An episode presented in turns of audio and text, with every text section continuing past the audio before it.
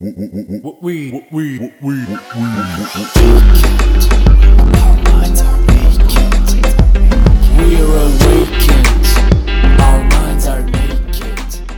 svima, ja sam Martina Đokić, a vi slušate podcast Mentalni nudista. Nalazimo se u epizodi broj 41, sezone 2, i u ovoj epizodi govorit ću malo o potrazi za odgovorima, onim krupnim, velikim, odnosno o dolasku do jasnoće kada su u pitanju neke važne teme u našem životu, poput karijere, partnera, prijatelja, mjesta života i tako dalje. Prosto, ono, svi se nekad zapitamo šta je pravi sljedeći korak, šta jesmo, šta nismo i to je prirodna stvar u ovom životu, da se stalno nekako iznova jeli, otkrivamo i da se krećemo u nekom pravcu to je cijela zabava na ovoj planeti, ako je propustimo onda ostaje samo neka dosada i patnja. Tako da, ovaj, inspirisalo me da ovome pričam to što sam primijetila u posljednje vrijeme, ovaj, da mm, onako susrela sam se sa više ljudi koji nisu sigurni šta je pravi sljedeći korak za njih, e, koja je odluka ispravna, šta u stvari žele i tako dalje. Pa sam odlučila da malo podijelim neka svoja iskustva, s obzirom da sam neko ko se prilično uskladio sa nekim stvarima u svom životu u smislu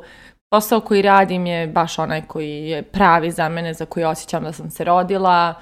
Ljudi sa kojima se družim su baš oni koji su pravi za mene. Znam tačno koji su mi ciljevi, koji su mi sljedeći koraci, šta, šta, želim ove godine, šta želim za tri godine, šta želim za deset, za, za 50 i tako dalje. I negdje da kažem, iako imam tu neku jasnoću u svom životu oko, oko nekih krupnijih tema. Istovremeno sam vrlo otvorena da to mijenjam, e, ako, jer prosto jel, mijenjam se, rastem, napredujem i sa novim nekim perspektivama, vjerovatno će i neki ciljevi da se mijenjaju usput, ali e, ono što mi je ključ i što mi je najvažnije da budem istinita sebi, odnosno da to što biram bude u skladu sa mojim vrijednostima. I onda e, negdje baš baš je i to jedna od stvari koje ljudi koje primijetim da ljudi znaju da ispuste kada odlučuju o svojim sljedećim koracima. Odnosno, ono što primjećujem je da često ljudi um, s polja traže odgovore. U novim, ne znam, u novim kompanijama, u novim vezama, u novim nekim okruženjima traže odgovore na pitanje koje ih iznutra mori. Odnosno, Mm, kada ne osjeti ispunjenost tu negdje gdje su ili čak što više osjeti prevelik stres, nervozu, frustraciju i ostalo, onda mijenjaju to gdje se nalaze, znači mijenjaju okruženje, ali nekad ispuste da pri toj promjeni potraže dio odgovora i iznutra. I zapravo to je ono o čemu želim da pričam je koliko je važno kombinovati to s polja i to iznutra da bi se došlo do jasnoće. Znači neko ili previše... Mm, da kažem, zna da rizikuje s polja i da stalno mijenja stvari s polja, ali u nedostatku refleksije i primjećivanja onoga šta se iznutra dešava, e, onako, da kažem, temeljnog osvrta na to šta se unutar nas dešava, taj neko Eh, onda može da se desi da ponavlja iste stvari, odnosno nebitno mijenja konstantno kompanije, nailazi na iste situacije. Onda nikako ne čini se kao da nema pomaka, iako s polja se pomak dešava, jer mijenjaju se konteksti, mijenjaju se okruženja, ali nekako se završi na istom. Ili u vezama isto, znači ljudi znaju da ono mijenjaju partnere, a da svaki put na istu situaciju nailaze, odnosno završe u istim emocionalnim mm, izazovima, a činilo se da su nešto promijenili. S druge strane, imaju ljudi koji su mnogo unutra, stalno se reflektuju, stalno nešto rade na sebi, čitaju, istražuju i tako dalje, ali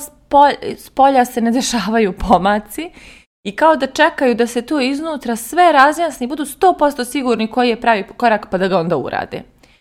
E, moje iskustvo jeste da mora oboje. Znači da nema, nema ili jedno ili drugo i da nije dovoljno ili jedno ili drugo, jer mi živimo u multidimenzionalnom svijetu koji uključuje i materijalno i duhovno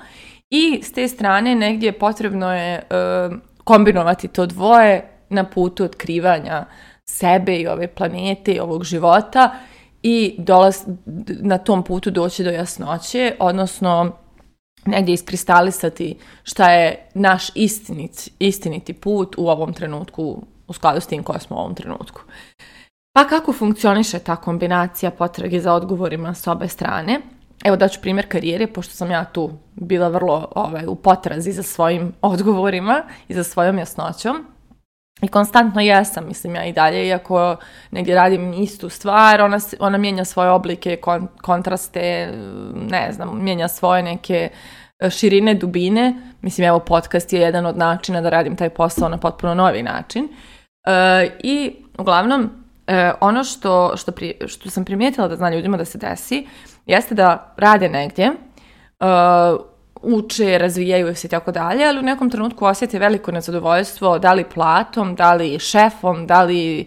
kulturom ili nedostatkom kulture kompanije, znači osjete neko, da kažem, ono, nezadovoljstvo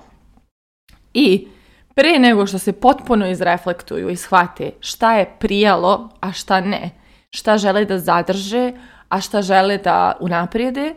oni prijeđu na sljedeći posao gdje im jedini kriterijum bude da nema onoga što ih nervira na ovom prethodnom. Znači, da je, da je kultura firme malo bolja, da je, ne znam, možda plata veća i tako dalje, ali ne, ne, ne obrate pažnju na to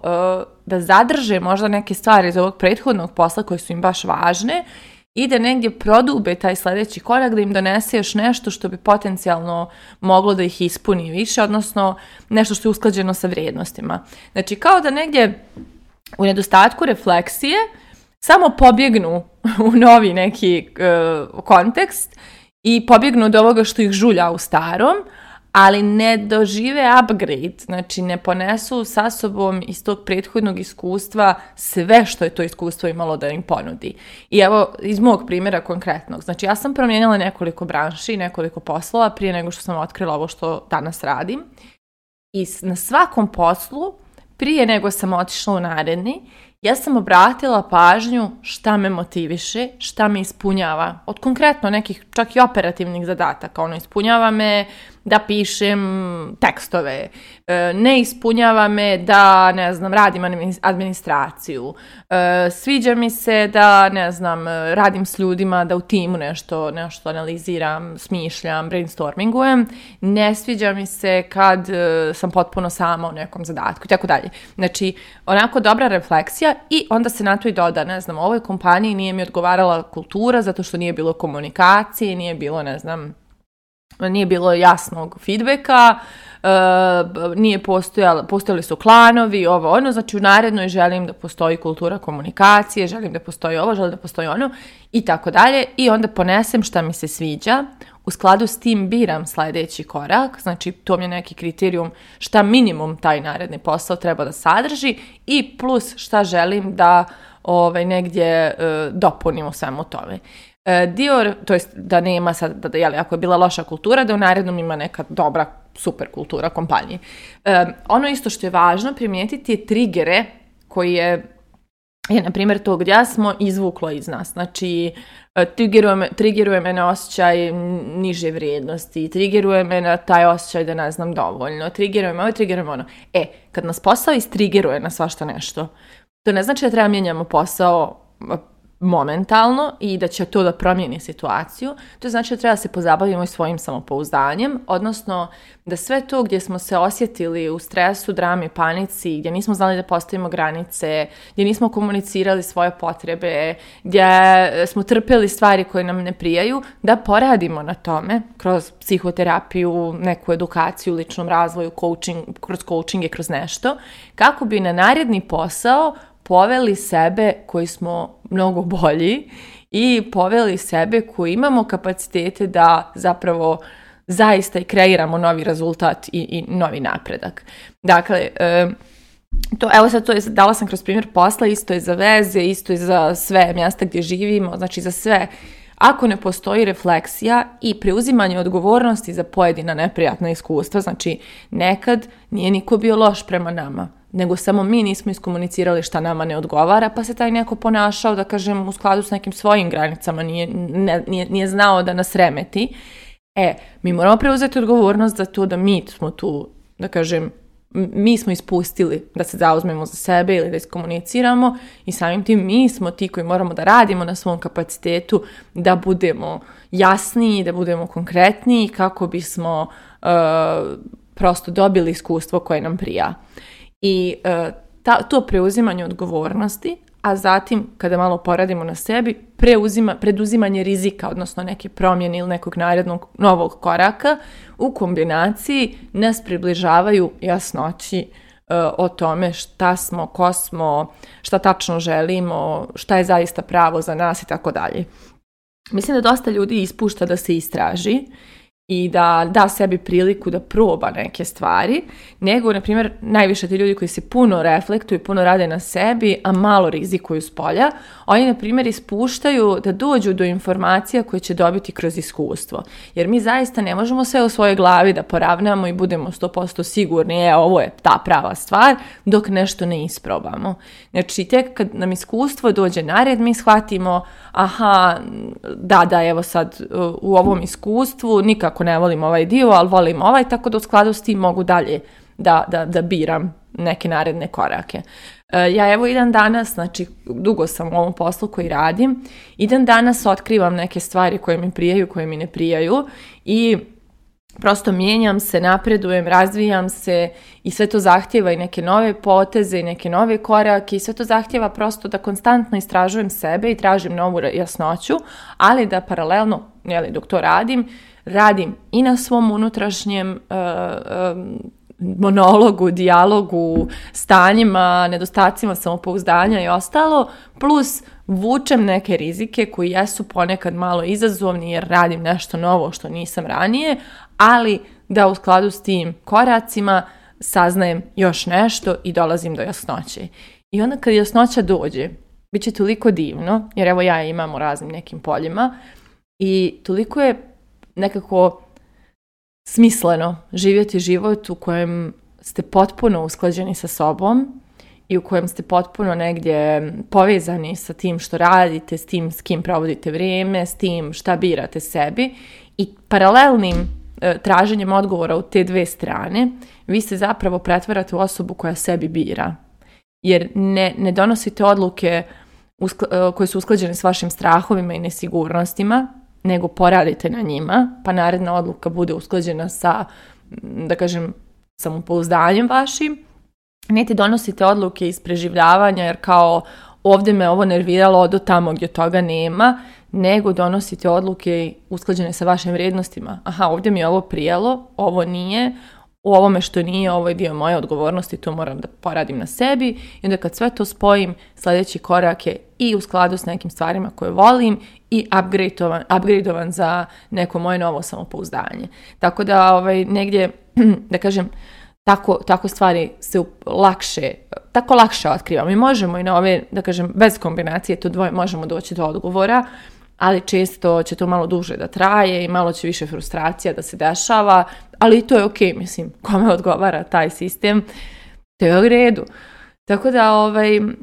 ono što je isto važno da kažem za kraj, jasnoća postoji za sve nas. Za svi smo mi za nešto stvoreni,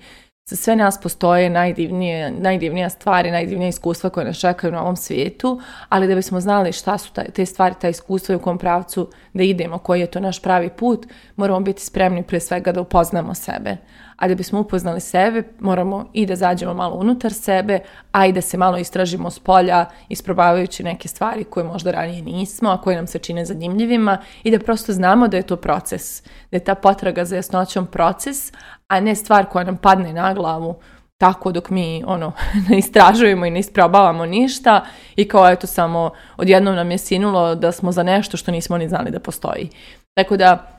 a da kažem taj proces je i ono jedna od pojenti života li istraživanje davanje izražavanje i tako dalje to je ono zašto smo ovdje i došli tako da moje pitanje za kraj ove epizode je da li ste vi neko ko umije da prolazi kroz taj proces i da se istražuje i iznutra i iz polja ili ste zaglavljeni u jednoj od te dve krajnosti